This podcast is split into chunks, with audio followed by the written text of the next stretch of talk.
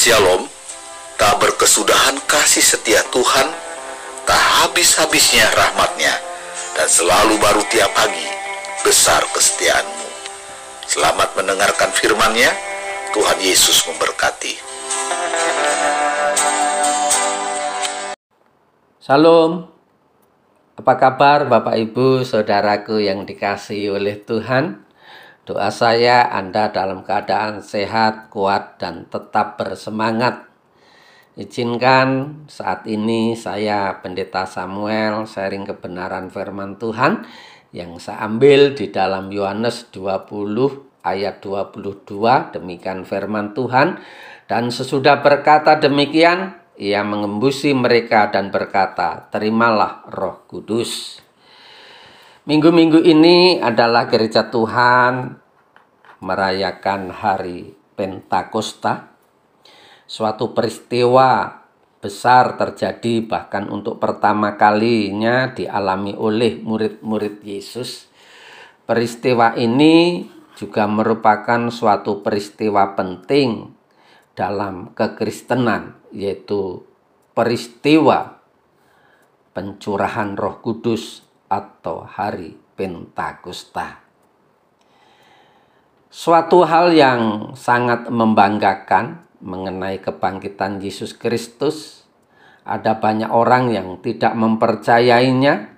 Itulah sebabnya mereka berkata orang Kristen itu adalah orang yang bodoh sebab menyembah seorang nabi dan menjadikan Tuhan dan mempercayainya telah bangkit dari antara orang mati. Kita sebagai orang percaya bahwa kebangkitan Yesus membuktikan ia adalah Tuhan dan sekaligus sekaligus merupakan jaminan untuk kita hidup berkemenangan.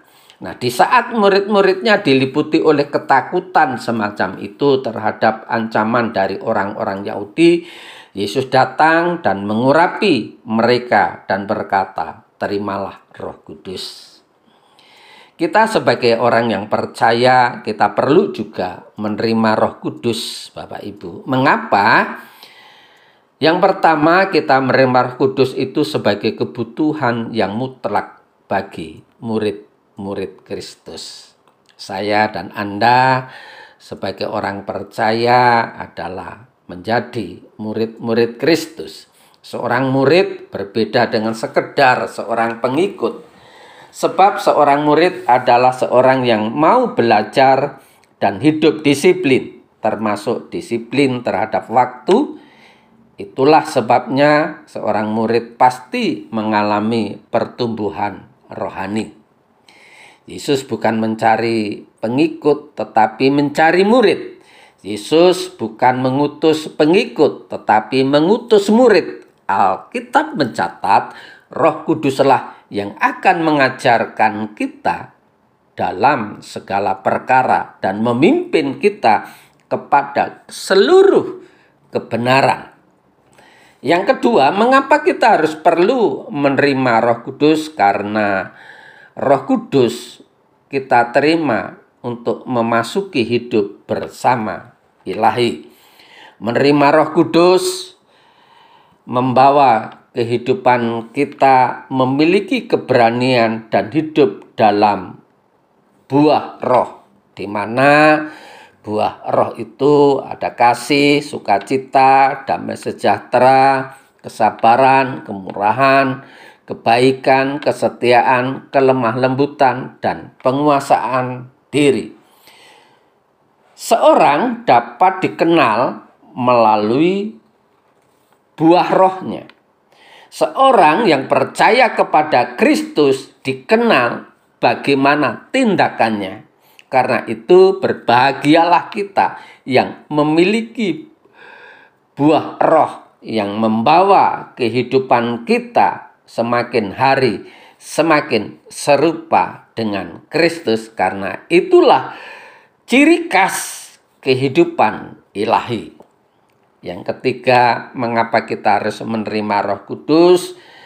Karena Roh Kudus membuktikan pekerjaannya tidak terbatas. Bagi Allah, tidak ada perkara yang mustahil dalam kehidupan kita. Demikian juga ketika kita menerima Roh Kudus, kita dimampukan untuk menyaksikan, melakukan perkara-perkara yang ajaib. Berdoa, tumpang tangan yang sakit jadi sembuh. Berdoa menjadi kenyataan dan mujizat, mujizat terjadi di dalam kehidupan kita.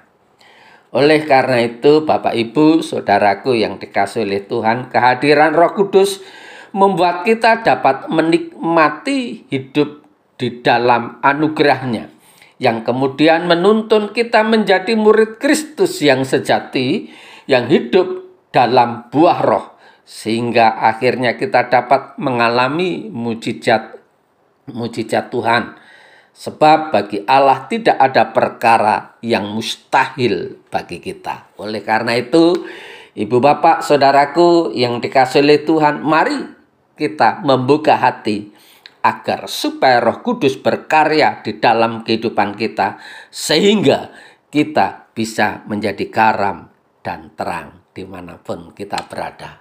Selamat beraktivitas, Tuhan Yesus memberkati, tetap semangat.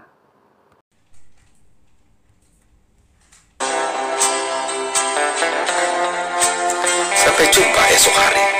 Kiranya damai sejahtera dari Allah Bapa, kecintaan dan kasih karunia Tuhan kita Yesus Kristus, persekutuan serta penghiburan Roh Kudus menyertai kita sekalian mulai hari ini sampai Maranatha Tuhan Yesus datang. Amin.